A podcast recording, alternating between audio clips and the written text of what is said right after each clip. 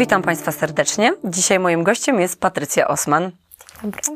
Patrycja jest psychoterapeutą systemowym i terapii skoncentrowanej na rozwiązaniach, terapeutą traumy.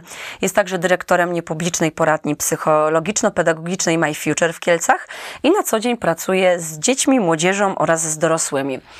E postanowiłam zaprosić do naszej serii podcastów psychologa, dlatego że bardzo dużo mówimy o tym, że ta terapia skolios powinna e, odbywać się w zespole takim multidyscyplinarnym, w skład którego wchodzi oczywiście fizjoterapeuta, lekarz, ortotyk, no i psycholog. Ale tak naprawdę mało kto korzysta z e, tej opieki psychologa w trakcie terapii. Dlaczego jest to tak ważne, żeby jednak korzystać z takiej opieki i dlaczego ten psycholog w zespole jest potrzebny? Znaczy tak myślę, że w ogóle, jeżeli pracujemy z osobami, które spotykają się z jakimkolwiek uszczerbkiem na zdrowiu, tak? Dlatego już mamy takie też psychologiczne, wąskie specjalizacje, jak psychoonkolog, e, jak e, właśnie e, psycholodzy przy protezach audiologicznych, tak? I w każdej takiej sytuacji, kiedy mamy uszkodzenie zdrowia, no to ten psycholog w zespole jest osobą, która może pomóc poukładać na nowo tą rzeczywistość taką związaną z terapiami, e, z systematycznością ćwiczeń, ale też z godzeniem się z tym, jak e, wyglądamy i też z pracą no, taką wzmacniającą poczucie własnej wartości. Ten aspekt taki emocjonalny u dzieciaków jest bardzo y, ważny, dlatego że ta skolioza występuje często właśnie u młodzieży w okresie dojrzewania, kiedy oni kształtują gdzieś tam to poczucie własnej wartości. No i przede wszystkim objawami skoliozy są deformacje w obrębie tłu tułowia. No i my też fizjoterapeuci mamy czasami problem z tym, jak z takim pacjentem rozmawiać. Ponieważ z jednej strony w trakcie wizyty my musimy uświadomić naszego pacjenta o zaistniałych asymetriach. Powiedzieć, że tu jest deformacja, że tutaj jest krzywo, przekazać im to, że konieczna jest taka długa y, fizjoterapia i jak to zrobić w sposób profesjonalny, mówić o tych wszystkich deformacjach, żeby jednocześnie nie wpoić w dziecku takiego poczucia choroby i nie sprawiać mu przykrości? Czy tak najbardziej profesjonalnie, jak się tylko da, czyli rzeczywiście powiedzieć o tym, że taka y, deformacja występuje, natomiast też z bardzo dużą dozą empatii i z tym, że y, no jesteśmy w stanie zrozumieć, jak y, to dziecko, czy ten nastolatek, tak jak powiedziałaś, w okresie dojrzewania, tak, czyli tego kształtowania się i trochę też e, ten okres dojrzewania sam nasuwa nam takie zmiany w ciele, tak, i, i nastolatkowie e, z tym się też mierzą, więc jeżeli jeszcze nam się pojawia deformacja i do tego dochodzi grupa rówieśnicza i to, że no to dzieci muszą się z tym zmierzyć, muszą sprostać e, też temu, e, żeby odpowiedzieć na pytanie, dlaczego wyglądasz inaczej, albo co ci się stało, mm, no to też muszą wiedzieć, dlaczego tak jest i sami muszą wiedzieć, co ich spotyka, dotyka i, i, i z czym się będą zmagać. Natomiast ja myślę, że tutaj większy aspekt bym nawet położyła nie na sam sposób mówienia, a to, jak my, jako specjaliści, też musimy się z tymi emocjami zmierzyć. E, bo nawet to, o czym rozmawiałyśmy chwilę przed programem, że zdarza się, że dzieci zaczynają płakać, e, to z mojego punktu widzenia to jest dobry objaw. Tak, to jest taki objaw, kiedy mm, no, dociera do mnie, że coś jest nie tak i e, że będę się zmagać z czymś, co jest trudne, e, co wymaga ode mnie poświęcenia, co być może wprowadzi w ogóle zmiany w całe moje życie. E, no i to jest trochę taki etap żegnania się i żałoby i opłakiwania, więc ja mogę się rozpłakać, ja mogę, nie wiem, powiedzieć, że się na to nie zgadzam, mogę e, trzasnąć drzwiami i wyjść i nie chcieć wrócić na kolejną wizytę, tak? I, i to jest też w jakiejś takiej naszej normie, że no jednak w tym takim zmaganiu się z chorobą, my czasami mamy ten etap takiego buntu albo niezgody, po to, żeby móc potem się do, jakby zmierzyć z tym i, e, i móc powiedzieć, dobra, no to się biorę za to i zaczynamy ćwiczyć. Więc e, ja myślę, że większy nawet tutaj nacisk kładłabym na to, jak my jako specjaliści mamy reagować i jak rodzice mają reagować e, i żeby też zaakceptować to, że my się możemy z tym nie zgadzać i że to może być dla nas trudne jak my powinniśmy re reagować? Bo zdarza się y, gdzieś tam, szczególnie na początku mojej kariery fizjoterapeutycznej, gdzie chciałam być taka bardzo skrupulatna, wszystko powiedzieć, żeby dać największą ilość informacji przekazać rodzico rodzicom, dziecku. E, I była, była sytuacja, gdzie właśnie dziewczynka pod wpływem tego, że usłyszała, że jest to skolioza. Poza tym przekazujemy wiadomości pod tytułem niejednokrotnie, Y, jest skolioza, musisz ćwiczyć i nie ćwiczymy po to, żeby ją wyprostować, bo się nie da. My ćwiczymy po to, żeby ona się nie pogarszała, czyli tak naprawdę nie ma też takiego i nie ma w tej terapii takiego szybkiego sukcesu czasami, szybkiego rezultatu. No i pojawiają się te łzy, te emocje dziecka, ale nie tylko dziecka, czasami też rodzica. I jak my powinniśmy się zachować jako fizjoterapeuci? Pocieszać, nie mówić nic? Um, fałszywie pocieszać to nie. E, pocieszać tak, żeby konfrontować jednak z faktem i z tym, co nas czeka, jak to dalej będzie wyglądać. Natomiast czasami warto jest rozważyć, czy mówić wszystko na pierwszej wizycie, czy powiedzieć na tyle, na ile jesteś w stanie znieść. Jeżeli mamy nastolatka, to jego można też o to zapytać, tak? Y, czyli siadamy i z nim rozmawiamy, mam do przekazania Ci trudne informacje, e, które będą się wiązały z tym, że taki masz uszczerbek zdrowia albo z tym to się wiąże. Powiedz mi, ile jesteś w stanie unieść, ile jesteś w stanie wysłuchać, możemy to podzielić, możemy do tych rozmów wracać, możemy wracać wtedy, kiedy będą ci się rodziły pytania. E, jak ci będzie ciężko, to możesz powiedzieć, możesz się złościć, dać też taką możliwość mm, na wszystkie emocje, które się pojawią i też na uszanowanie, bo każdy z nas jest inny. E, I tak jak my dorośli jesteśmy inni, tak nastolatkowie są inni.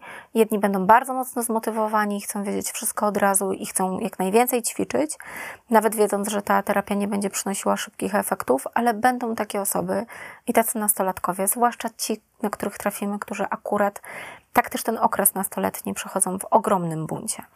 E, I praktycznie wszystko, cokolwiek im nie powiemy, to i tak, i tak jest na nie.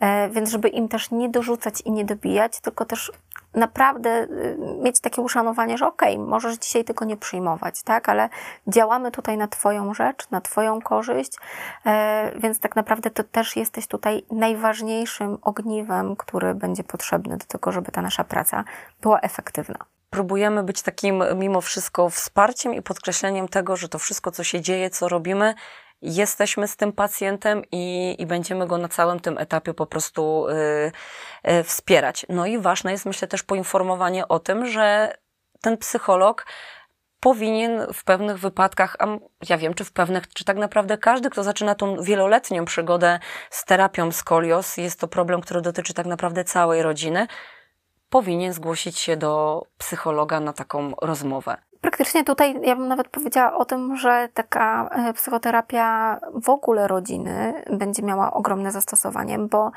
e, i rodzice będą się z tym zmagać, e, i dziecko, które to dotyka, będzie się z tym zmagać, ale też rodzeństwo, tak? Czyli mamy młodsze lub starsze rodzeństwo, które po pierwsze nagle uwaga całej rodziny i całego systemu rodzinnego jest skierowana na tą jedną osobę, na to jedno dziecko, więc te inne dzieci pozostają trochę w cieniu, e, też może mogą czuć się niesprawiedliwie traktowane, e, mniej uwagi im jest e, poświęcane, ale mogą też mieć taki lęk czy taką obawę, że u nich też pewne choroby mogą występować, tak? Czy może się pojawić skolioza i też mogą mieć pytania z tym związane.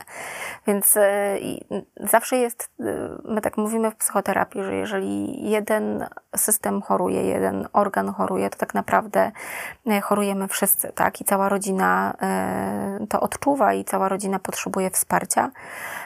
Też takiego wsparcia w motywowaniu, w tym jak, i myślę, że tutaj rodzice bardzo mocno będą takiego wsparcia potrzebować, jak rozmawiać z dzieckiem czy z nastolatkiem, że ma ćwiczyć, tak? Zwłaszcza jeżeli te ćwiczenia nie przynoszą efektu, tak jak mówisz, takiego szybkiego, tak? Albo jeżeli te ćwiczenia nie cofną już nam tej deformacji, która jest.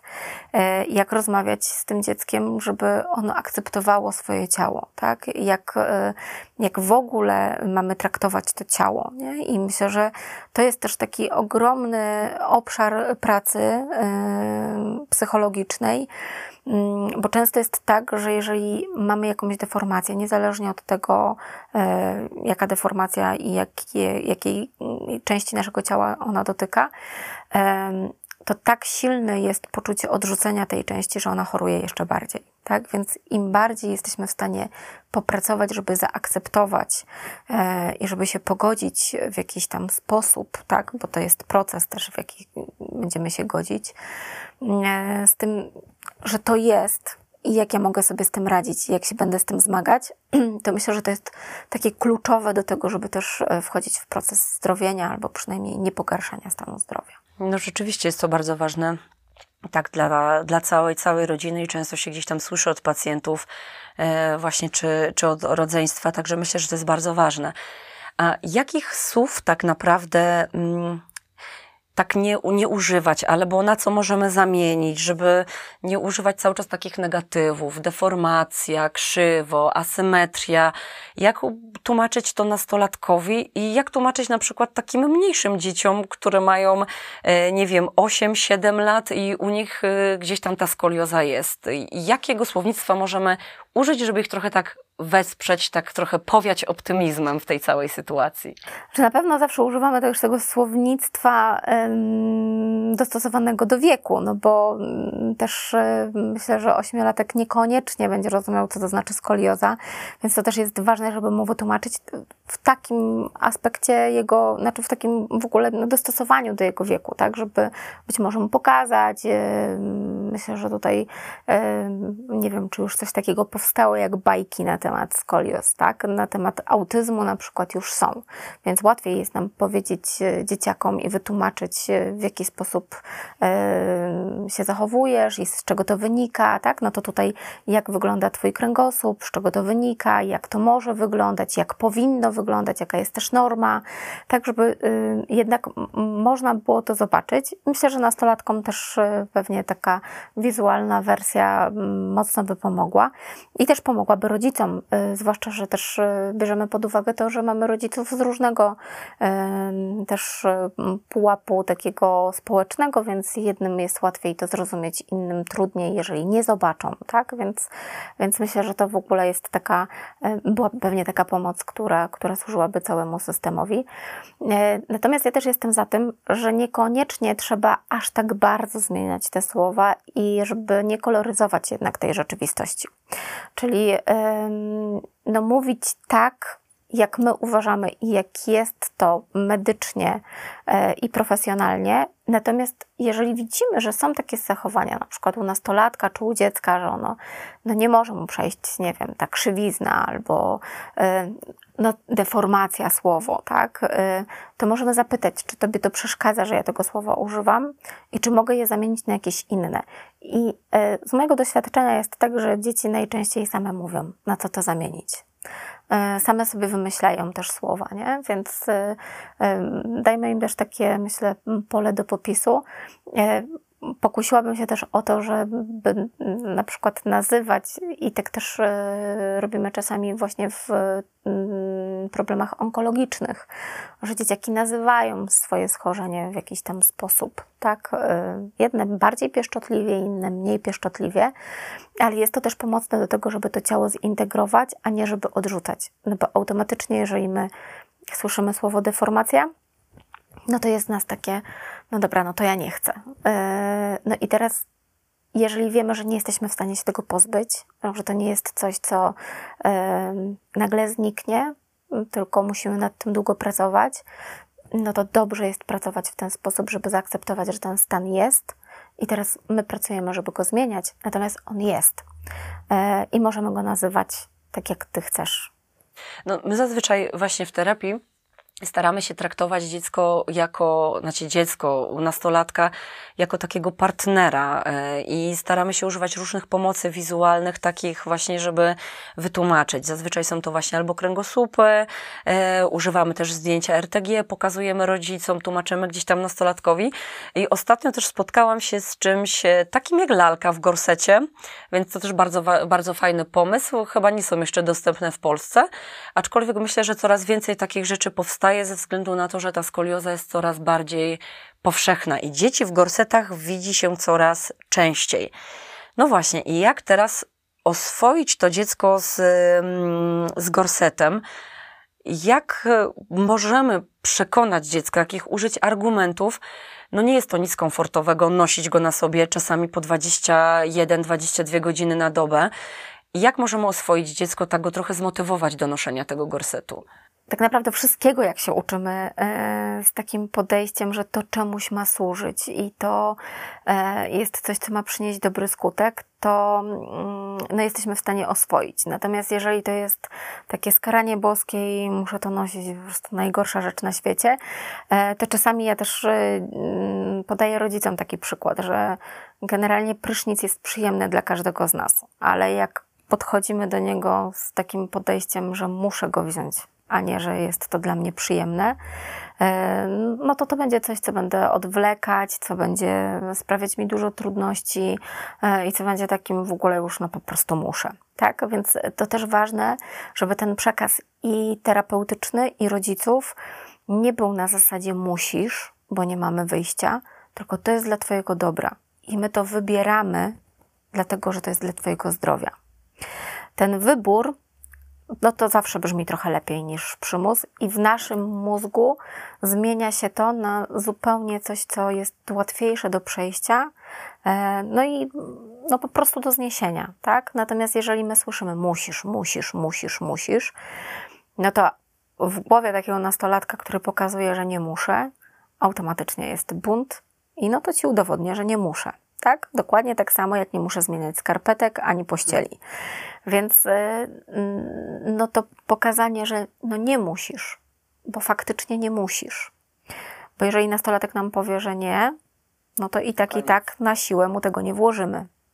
Natomiast jeżeli mu powiemy, to jest wybór dla Twojego dobra. I ja wiem, że Tobie jest trudno. I ja wiem, że to może być dyskomfortowe, tak? E, I też taka otwartość i rodzica, i terapeuty na to, że jeżeli przychodzi ten nastolatek i mówi, że to jest straszne i że nie chce w tym chodzić, to też podejście ze zrozumieniem, że ja rozumiem, że tak jest. Natomiast wiem też, że to jest dla Twojego dobra, ale możemy też chwilę porozmawiać o tym, co jest z tym nie tak, tak? Możemy sobie o tym ponarzekać, możesz, nie wiem, e, potupać, pokrzyczeć, ale potem mi opowiedz też, co to Ci dobrego daje.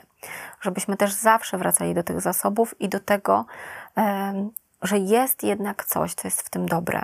No to jest bardzo ciekawe, bo taki z tematem takiego myślę, że demonizowania od początku czy gorsetu, czy zabiegu operacyjnego mamy do czynienia już od początku terapii. Nie jesteśmy w stanie przewidzieć, my fizjoterapeuci czy, czy lekarze, znaczy potrafimy przewidzieć, czy ta skolioza ma potencjał do progresji, czy nie. Natomiast często używa się takich stwierdzeń i rodzice często mówią dzieciakom ćwicz, ćwicz, ćwicz, bo będziesz musiał nosić gorset.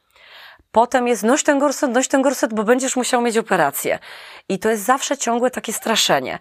A jak dziecko zaczyna terapię, my nie będziemy wiedzieli, co się będzie działo za kilka lat, więc e, to jest też bardzo cenne, żebyśmy my jako e, specjaliści od początku nie straszyli dzieci tymi gorsetami, bo my nie wiemy, czy nie przyjdzie taki moment, że on będzie musiał go założyć. I wtedy nasze straszenie, że tak powiem, obróci się przeciwko nam. Czyli od początku terapii oswajać dziecko z różnymi możliwościami. I traktować te jako możliwości. Bo jeżeli my mówimy dziecku ćwicz, ćwicz, ćwicz, e, a powiemy mu, bo jak nie będziesz ćwiczył, to będziesz nosił gorset. I mamy takie dziecko, które ćwiczy, ćwiczy, ćwiczy, a i tak, i tak musi nosić gorset. No to wtedy trochę nasza ten nasz profesjonalizm i ten nasz autorytet, że my jako specjaliści powiedzieliśmy, że przecież no jak będziesz ćwiczył, to nie będziesz nosił gorsetu, a nagle nosisz.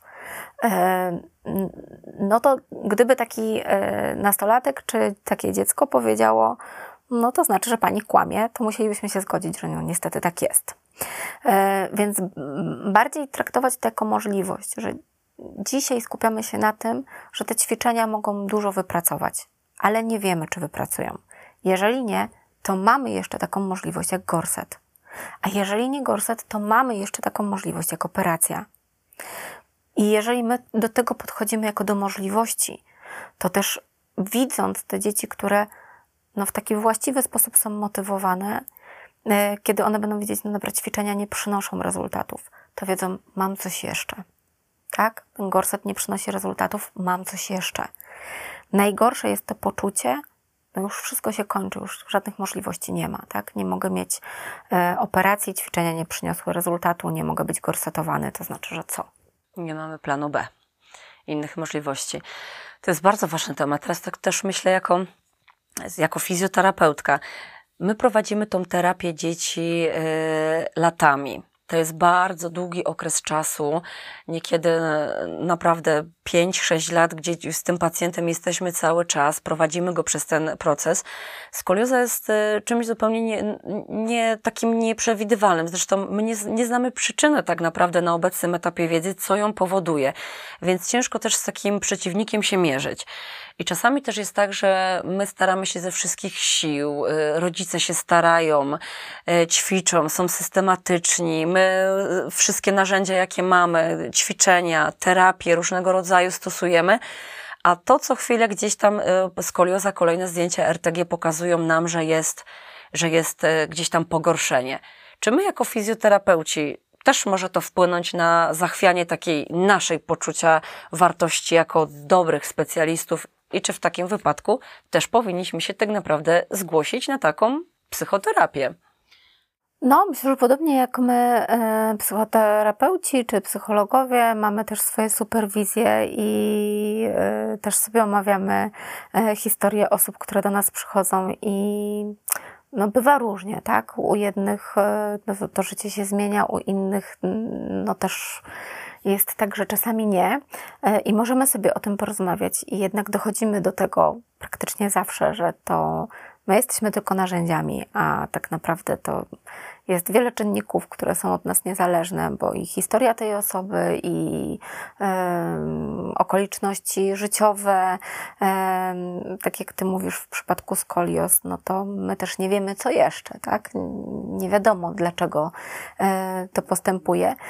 Natomiast takie spotkanie się właśnie ze specjalistą i powiedzenie, jest mi z tym trudno i co ja mogę z tym zrobić, zwłaszcza, że jeżeli jest to taka długa terapia, jest to 5-6 lat, no to rodzi się też relacja między pacjentem a terapeutą i taka bliska więź, więc nawet sam fakt tego, że widzę, że to nie postępuje e, do przodu, a wręcz przeciwnie, albo że ta choroba zaczyna e, siać większe żniwo, no to też jako człowiekowi jest mi po prostu przykro.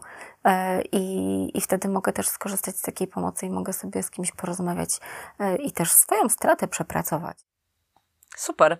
To jest bardzo dobry pomysł, takie fizjoterapeutyczne superwizje. Bardzo mi się to spodobało. Okej, okay, a jeżeli chodzi o rodziców, bo mamy tak, sytuacje, kiedy no, te ćwiczenia muszą być wykonywane. I dziecko mówi, że nie, ma już dosyć, nie chce. Kończy się zazwyczaj kłótnią, e, klapnięciem drzwiami, odmową ćwiczeń. Rodzice zaczynają się irytować i zaczyna się w domu po prostu taka bardzo napięta e, atmosfera. Czasami też dla świętego spokoju, żeby jakby nie zniszczyć takiej pewnych dobrych relacji pomiędzy rodzicem i dzieckiem, po prostu rodzice odpuszczają. A nie chcesz ćwiczyć, to nie ćwicz. Nie chcesz nosić tego gorsetu, już nie zakładaj go, żeby tylko znowu nie było w domu awantury. No i teraz pytanie, co mogą zrobić rodzice? Jak dotrzeć do takiego dziecka, y, do nastolatka i do takiego mniejszego dziecka? Co powinni robić rodzice w takich sytuacjach? Jeżeli w ogóle powiemy dzieciakom, że mają ćwiczyć, bo muszą, no to jesteśmy skazani na awantury i na to, że będą kłótnie i że będzie mówienie nie, nie muszę albo nie, nie chcę. E, jeżeli jeszcze te ćwiczenia są takie, że bolą, są wymagające, mm, sprawiają jakiś dyskomfort, no to tym bardziej to, co jest dyskomfortowe, no to unikamy tego i my dorośli też tego unikamy. Jak ja nie lubię zmywać naczyń, to to jest ostatnia rzecz, którą zrobię w domu. E, natomiast jeżeli lubię oglądać seriale, no to to jest rzecz, którą chcę robić. E, I dokładnie tak samo robimy z tymi ćwiczeniami. Wiadomo, że one być może nigdy nie będą tak polubiane jak e, oglądanie seriali. Natomiast możemy też z tych ćwiczeń zrobić pewien rytuał i też im więcej tam będzie relacyjności, tym lepiej. Czyli jeżeli mam małe dziecko, no to żeby przyzwyczaić je do tych ćwiczeń, ćwiczmy razem. Nie ja z kuchni krzyczę, musisz ćwiczyć, więc teraz 15 minut ćwiczysz. E, i najprawdopodobniej tutaj bym obstawiała, w zależności od tego, jakie są dzieci, ale że e, połowa jest przećwiczona, połowa jest przeleżana, e, dobra, poćwiczyłam, odhaczone. Natomiast jeżeli to jest nasza relacja, jeżeli to robimy razem, mm, jeżeli możemy przy tym porozmawiać, jeżeli ja jako dorosły mogę powiedzieć, o, zobacz, to jest trudne, a tobie to super wychodzi, no to automatycznie motywuje to dzieci do tego, że robię to dalej, dalej, dalej, dalej tak psychologicznie mówimy, że 6 tygodni to jest ten czas, kiedy kształtuje się nawyk e, w każdym z nas. Więc jeżeli 6 tygodni będziemy ćwiczyć naprawdę tak regularnie z dzieckiem, to ono potem będzie miało dużo łatwiej, żeby ćwiczyć samo, e, albo będzie nas zapraszało też do tego i w którymś momencie zobaczymy, że dziecko mówi, dobra mamo, idziemy ćwiczyć. E, I wtedy to już dzieci motywują, a nie rodzice. Natomiast to jest coś, co wymaga też od rodziców i co jest naszą wspólną aktywnością. Z nastolatkiem e, mogę Ci potowarzyszyć. Jak chcesz, to możemy razem poćwiczyć. Mogę z Tobą porozmawiać, dlaczego to jest trudne. Jeżeli dziecko nam trzaska drzwiami i mówi, nie będę dzisiaj ćwiczył, to dajmy mu trzasnąć drzwiami, odczekajmy chwilę, pójdźmy, zapytajmy, dlaczego. Tak? I e, nie na zasadzie musisz, tylko co Ci sprawia problem. Tak? E, i tutaj się spotkamy z różnymi odpowiedziami. Bardzo często to są takie odpowiedzi, że dzieci nam mówią, no ale ja nie widzę efektów, to po co mam to robić? Nie widzę sensu. E, I możemy o tym porozmawiać, tak? Że to, jeżeli nie widzisz sensu, e, być może słusznie, bo każdy z nas po takim czasie straciłby sens, e, ale zobacz, ile uniknęliśmy ile, jak, jak Twój kręgosłup mógłby dzisiaj wyglądać, a jak wygląda, w jakim względnym zdrowiu jesteś dzisiaj. I to się opłaca. Rodzice jest nadzieja. Sześć tygodni i potem już będzie z górki. E, myślę, że to jest w ogóle bardzo, bardzo ważne i takie rzeczywiście super to, to, co powiedziałaś, czyli spróbujmy zrobić z tych ćwiczeń coś fajnego, czas spędzony razem, czyli tak naprawdę coś, co możemy spożytkować na taką i na budowanie relacji, na taki jakiś wspólny cel, który mamy z tym dzieckiem. Idziemy gdzieś tam w to razem, więc, więc to też tak naprawdę nie musi być e, powodem, dla którego rodzice gdzieś tam z dziećmi oddalają się od siebie, bo ciągle są awantury i kłótne o ćwiczenia, ale może by właśnie spróbować z tego zbudować właśnie taką fajniejszą relację, jakieś taką wspólne działanie i też myślę, że tak jest fajne to dla dzieci, że dzieci chociaż się buntują, to one jednak po po kilku latach y, one nam mówią, że, że one się cieszą, że one dziękują swoim rodzicom, że są wdzięczne za to, że ci rodzice byli, a zdarzają się też nastolatkowie, co też daje do myślenia, którzy pojawiają się, byli gdzieś tam w wieku 10 lat, y, ale nie chcieli ćwiczyć, więc rodzice odpuścili, nie ćwiczyli. Potem przyszli w wieku 14 lat, gdzie no to się wszystko w ogóle pogłębiło, rozsypało. I pamiętam, jak jedna dziewczynka powiedziała, dlaczego ty mnie nie pilnowałaś, mamo? A dlaczego ty mnie nie zmuszałaś do ćwiczeń? No bo ty nie chciałaś i się ciągle kłóciłaś. No ale ja byłam dzieckiem i zobacz, jak ja teraz wyglądam, to jest twoja wina. I tutaj bardzo ciężko właśnie znaleźć taki środek. Także myślę, że to są bardzo, bardzo yy, taka yy, cenna, cenna wskazówka. Jak nawet popatrzymy na to, że y, mamy dzieciaki, które muszą ćwiczyć czytanie czy pisanie. Jak im powiemy teraz codziennie musisz pisać pół godziny albo pół godziny czytać to nawet jak już potrafią czytać i pisać, e, a wciąż muszą ćwiczyć, e, to traktują to tak bardzo mm, negatywnie, że nie chcą tego robić. Natomiast jeżeli siadamy i to jest nasz wspólny czas, jeżeli nam się uda, że to jest nasza wspólna zabawa, jeżeli pokażemy my dorośli też, że no możemy z tego zrobić coś dobrego i, i współtworzymy to razem, to to zawsze nas jednoczy. E, jeżeli pokażemy dzieciom przy ćwiczeniach, stojąc z boku, to możemy powiedzieć, no przecież to jest łatwe. Tak? Natomiast jak się musimy położyć na podłodze i coś już wykonać, e, no to łatwiej jest nam sobie wyobrazić, że no to nie do końca jest takie łatwe. To ćwiczenie codziennie to jest mocna motywacja, e, więc no, potrzebujemy tej siły napędowej od siebie nawzajem. No, to nie jest łatwa praca, rzeczywiście tak regularnie przez tyle lat gdzieś tam czasami codziennie ćwiczyć, więc yy, przyznaję się, bez bicia mi też chyba byłoby się ciężko zmotywować, dlatego ja tak podziwiam tych moich dzielnych pacjentów i oczywiście rodziców. Yy, czyli w momencie, kiedy dziecko zaczyna, zaczyna się buntować, e, nie chce, e, zmuszasz mnie, nienawidzę cię i różne mocne słowa padają, najlepszym rozwiązaniem dla rodzica jest spokój, przemilczenie, dać dziecku czas i potem wrócić na spokojnie do tematu. Nie odpuszczać. Nie odpuszczać, ale zrozumieć, że to ten wiek, to po pierwsze. E, po drugie, że nie widać efektów. Po trzecie, że dziecko może mieć też zupełnie innego rodzaju plany e, i też takie zrozumienie, że no przychodzi taki moment e, w wieku każdego człowieka, kiedy grupa rówieśnicza jest dużo ważniejsza i ma dużo większe znaczenie niż rodzice. I to też jest zdrowe, normalne e, i tak nawet być powinno. Więc jeżeli dziecko nam mówi, ja nie chcę ćwiczyć, wolę wyjść z koleżankami do galerii albo z kolegami pograć w piłkę, to, to też jest normalne zachowanie, tak? I możemy wtedy to zrozumieć i powiedzieć, ja to rozumiem e, i spróbujmy zrobić tak, żebyś mógł zrobić i to, i to, a nie tylko wybrać jedno, bo zawsze te ćwiczenia będą na niekorzyść grupy rówieśniczej. A jakie symptomy powinny tak jakby rodzice zaniepokoić? Jakie e, takie zachowania dziecka, e, czy jakiś taki mocny objaw buntu, coś, czy, gdzie rodzicowi powinna zapalić się lampka czas na wizytę u psychologa, żeby ja sobie już z tym nie radzę, może ktoś powinien nam pomóc. Jak w ogóle namówić, y, jak rozmawiać z dzieckiem i przekonać go do takiej wizyty.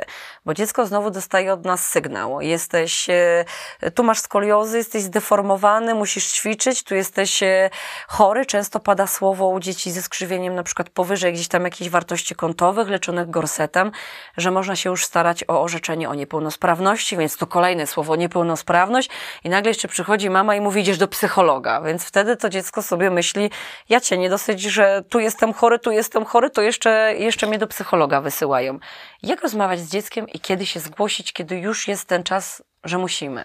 I dzieci i nastolatkowie na szczęście chyba dużo łatwiej podchodzą e, do wizyt u psychologa i u psychoterapeuty niż dorośli.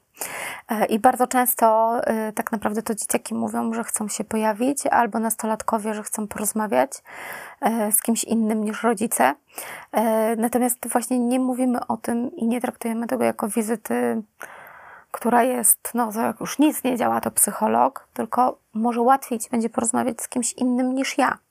Może ktoś, kto nie ma takiego ładunku emocjonalnego, dlatego że no, jak mnie jako rodzica tak samo dotyka ten problem jak ciebie, tak? Każdy z nas wnosi tutaj swoje emocje.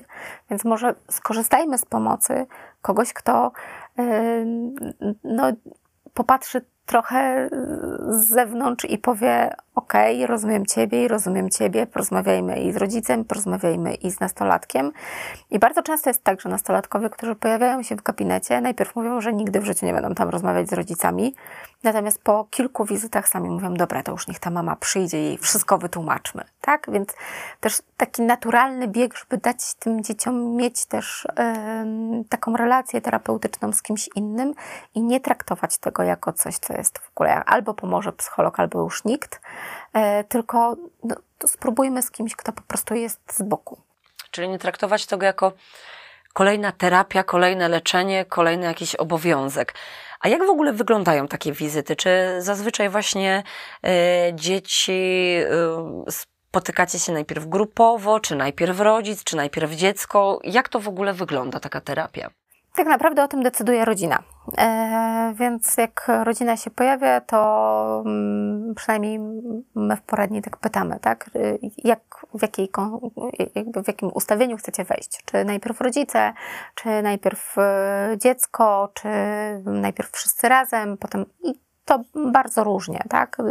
Czasami wchodzą najpierw sami rodzice, czasami samo dziecko, e, a czasami najpierw wchodzą wszyscy razem, a potem się rozdzielamy, tak? I no tak już pracujemy, jak ustalimy też rodzinnie, e, ale no myślę, że większość terapeutów ma taką otwartość na to, że to jednak e, nie ma twardych i sztywnych zasad, jak będziemy pracować, tylko dostosowujemy to do e, i sytuacji rodzinnej, i możliwości rodzinnych, i tego, kogo chcemy do tego gabinetu zapraszać. Czyli podejście indywidualne w zależności od sytuacji. Super. A takie pytanie ode mnie, z kim się trudniej pracuje? Z dziećmi czy z rodzicami jednak? Nie wiem, czy możemy tutaj powiedzieć trudniej. Inaczej. Idealnie, tak. inaczej pracuje się z, z rodzicami, inaczej pracuje się z dzieckiem, ale to też dlatego, że każdy z nas inaczej odczuwa ciężkość e, problemu. Tak? Dziecko czuje je, dlatego że czuje je na sobie i, i mm, ta trudność koncentruje się na jego relacjach, na tym, jak e, postrzega swoje ciało. Natomiast rodzic też bardzo często ma takie poczucie, że od niego dużo zależy, żeby, żeby ta sytuacja wyglądała inaczej. Więc myślę, że mm, też rodzice bardzo często noszą na sobie winę, e, którą sami sobie też nakładają, tak?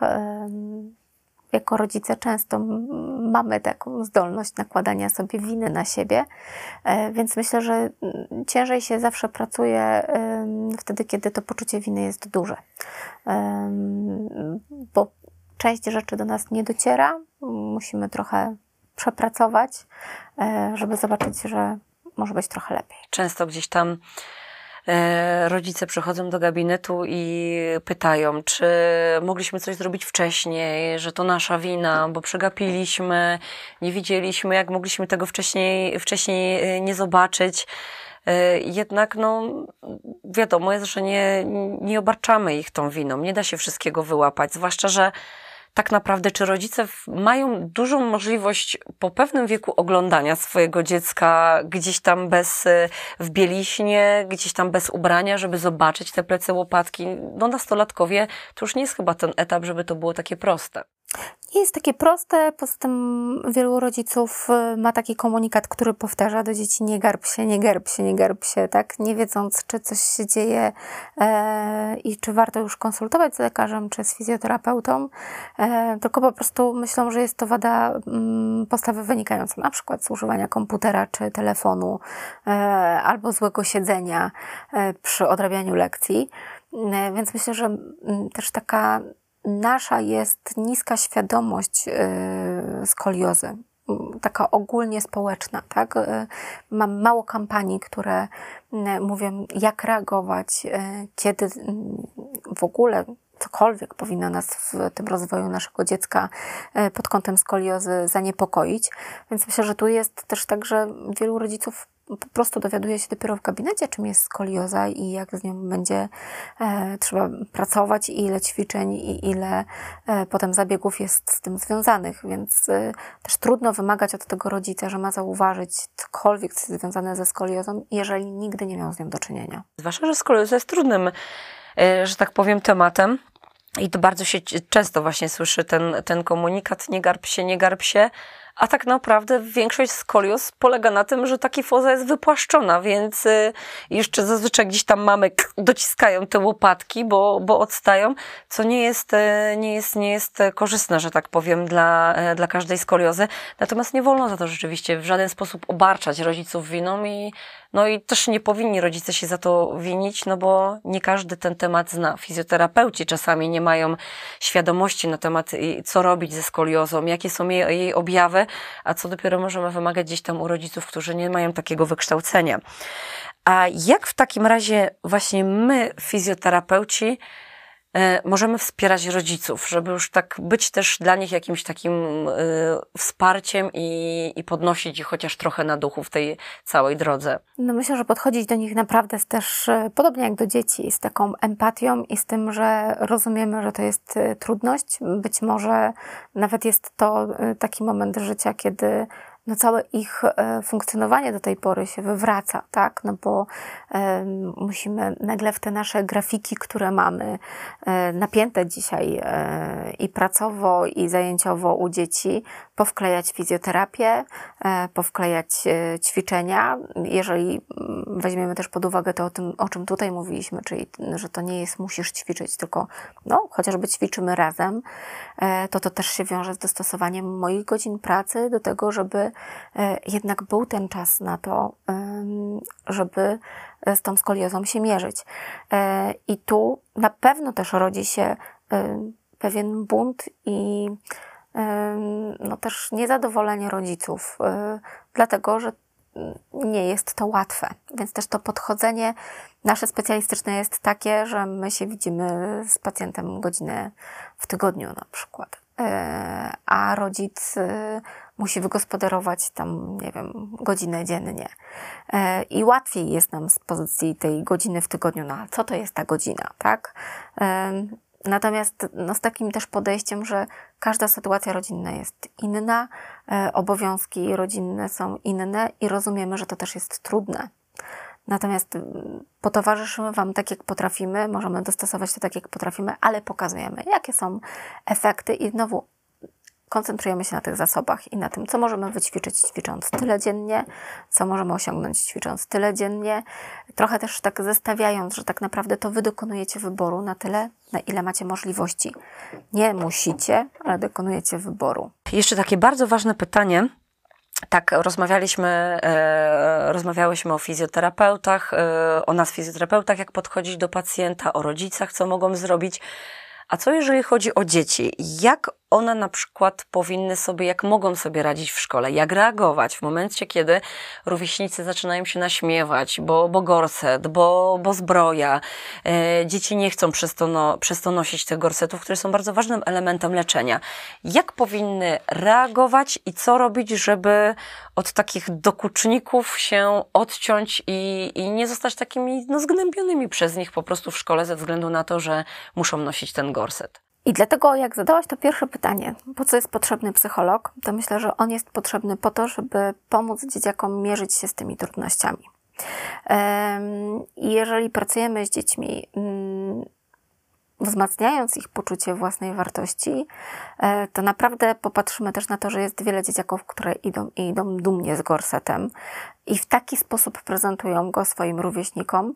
E, I takie historie też znamy, tak, że wracają dzieci do domu i mówią, mamo, czy ja też mogę mieć gorset?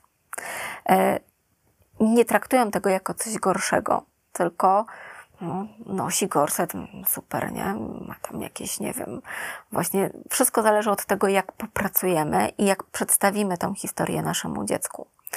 E, więc e, myślę, że to jest ten ważny element, żeby z każdym pracować indywidualnie, bo też dzieciaki są różne. Są takie, które mają wysokie poczucie własnej wartości i one po prostu to przyjmą i sobie i tak, i tak poradzą. I są takie, którym to poczucie własnej wartości możemy zbudować. E, I wtedy też sobie poradzą. Natomiast jeżeli nie będziemy na to reagować, jeżeli nie będziemy z dzieciakami rozmawiać, nie będziemy pytać, z czym się mierzą i jakie mają w tym trudności, a umówmy się, że szkoła nie jest miejscem, które jest dostosowane e, do potrzeb e, dzieci, zwłaszcza do potrzeb e, dzieci ze skoliozą. Już zaczynając od krzesełek, na jakich muszą siedzieć w szkole, kończąc po właśnie chociażby tych relacjach rówieśniczych. W każdej szkole jest pedagog i psycholog, w tym momencie nawet chyba pedagog specjalny, więc mm, to takie grono interdyscyplinarne e, jest coraz większe. I myślę, że e, jeżeli nasze dziecko czy nastolatek spotyka się z jakimkolwiek problemem, czy jakimkolwiek dyskomfortem, to mamy już z kim rozmawiać, e, żeby stworzyć też takie warunki bezpieczne dla, e, dla niego. E, I mm, no właśnie, możemy poprosić pedagoga o to, żeby w chwilach takiego dużego przeciążenia, czy emocjonalnego, czy fizycznego, to dziecko mogło sobie pójść i chwilę odpocząć czy poleżeć. Jeżeli dzieją się rzeczy mm, emocjonalnie trudne, to żeby mieć takie wsparcie właśnie psychologa szkolnego, gdzie dziecko może w danym momencie, w danej chwili, poza tą pomocą psychoterapeutyczną gdzieś poza szkołą, pójść, porozmawiać, e, zrzucić trochę tego e, obciążenia emocjonalnego, które jest w danym momencie. Więc mm, nawet jeżeli szkoła nie jest idealnym miejscem, e, to i tak, i tak mamy takie możliwości i z nich korzystajmy, żeby jak najbardziej temu naszemu dziecku pomóc. To czy warto na przykład, żeby rodzic e, udał się do szkoły na taką rozmowę z wychowawcą, z psychologiem i tak jakby w, w, wprowadził ich w ten temat, że może być taka sytuacja, że właśnie, że dziecko będzie nosiło gorset i poprosić o takie wsparcie. Czy jest to dobry pomysł? Myślę, że najlepszy, dlatego że yy, tak jak ja powiedziałam o tym, że mamy niską świadomość społeczną dotyczącą skolios, tak jestem przekonana, że wielu nauczycieli, wielu specjalistów, którzy y, w szkołach pracują, nie mają zielonego pojęcia o tym, tym, czym jest gorset, tak jak wielu psychologów, czy terapeutów, y, czy w ogóle nas, tak, y, o tym wie mało. Więc takie udanie się do szkoły i porozmawianie i z wychowawcą, i z pedagogiem, i z psychologiem, jeżeli jest fizjoterapeuta w szkole, a czasami tak się zdarza, no to to jest ten taki zespół specjalistów, który jest od tego, żeby nam też pomóc, ale żebyśmy im też pomogli. Żebyśmy my powiedzieli, jak to będzie wyglądało. Y, być może ci nauczyciele mają pierwszy raz do czynienia z gorsetem, y, więc y, jak od takich prostych pytań, czy dziecko może ten gorset zdejmować, czy nie może, czy nie powinno, czy jakoś możemy mu w tym pomóc, czy możemy dostosować krzesełko, mm, czyli od takich najprostszych, najbardziej powiedziałabym, takich technicznych rzeczy, po właśnie takie zabezpieczenie emocjonalne. No tu jest też, myślę, duża rola szkoły. A tak sobie jeszcze pomyślałam, y, jak powinno dziecko się y, tak jakby jak można mu pomóc, coś podpowiedzieć, jak powinno się zachować. Załóżmy, że jest, idzie ten pierwszy dzień w gorsecie do szkoły. Zazwyczaj wygląda to tak, że jest, e, jest stres, są nerwy, e, pomimo, że jest ciepło, dziewczyny, chłopaki zakładają na siebie ogromne bluzy, żeby tylko, broń Boże, nie było tego w żaden sposób widać. E, starają się przechodzić z daleka od, od rówieśników, żeby nikt gdzieś tam nie dotknął, nie poczuł, że coś sztywnego jest pod tą bluzą. Czy powinno być właśnie y, najlepsze jest takie zachowanie, że idziemy do szkoły, udajemy, że nic się nie dzieje i nie zwracamy na to całkowicie uwagi, czy jakoś, nie wiem, zapowiedzieć w szkole, mam gorset, będę teraz y, nosił, nosiła, czy w ogóle ten temat przemilczeć i czekać na rozwój wydarzeń i reakcję rówieśników? Myślę, że udawanie nie jest niczym dobrym i w ogóle zawsze, za każdym razem, kiedy udajemy czy próbujemy coś ukryć, e, to ten stres e, jest ogromny. E, więc nie dość, że mamy mm, to mierzenie się z gorsetem i doświadczenie dyskomfortu, które jest fizyczne, to jeszcze myślimy o tysiącu rzeczy, które się mogą wydarzyć i, i myślimy, co zrobić, żeby tego żeby to się nie wydarzyło, żeby temu zapobiec. E, więc to też bardzo mocno obciąża. E, dlatego myślę sobie, że może najłatwiej byłoby po prostu chociaż tej wąskiej grupie, a pewnie większość dzieci ma taką wąską grupę przyjaciół, im powiedzieć, jest taka sytuacja, przyjdę jutro z gorsetem, albo przyszłam dzisiaj w gorsecie, albo przyszedłem w gorsecie. E, jest to dla mnie trudne albo nie. Wszystko zależy też od tego, jakie mamy dziecko i czy jest bardziej czy mniej wylewne.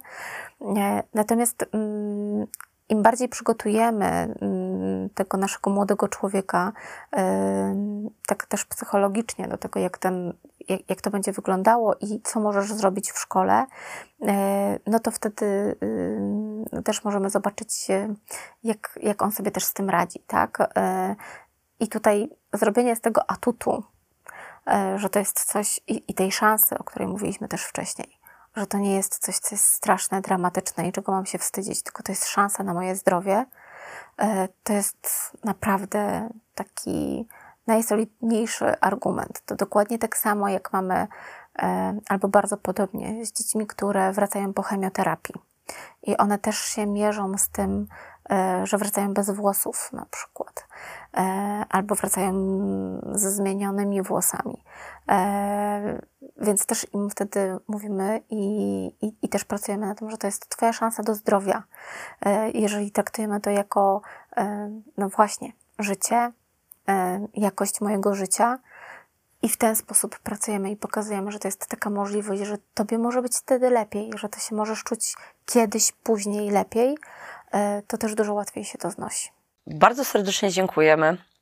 Ja też bardzo dziękuję, bo tak szczerze powiem, że po tej rozmowie w mojej głowie jest naprawdę ogrom refleksji i takiego chęć troszeczkę zmiany mojego e, takiego fizjoterapeutycznego podejścia do pacjenta, do rodzica. Także myślę, że nie tylko dla mnie, ale dla większości fizjoterapeutów, e, no, nasuną się pewne refleksje. Myślę, że też sporo pomogłyśmy tutaj rodzicom. E, dostali naprawdę cenne wskazówki, jak sobie z tymi dziećmi radzić. No i y, to wszystko ma oczywiście na celu pomoc tym naszym pacjentom i to jest najważniejsze. Także bardzo serdecznie dziękujemy. Dziękuję bardzo.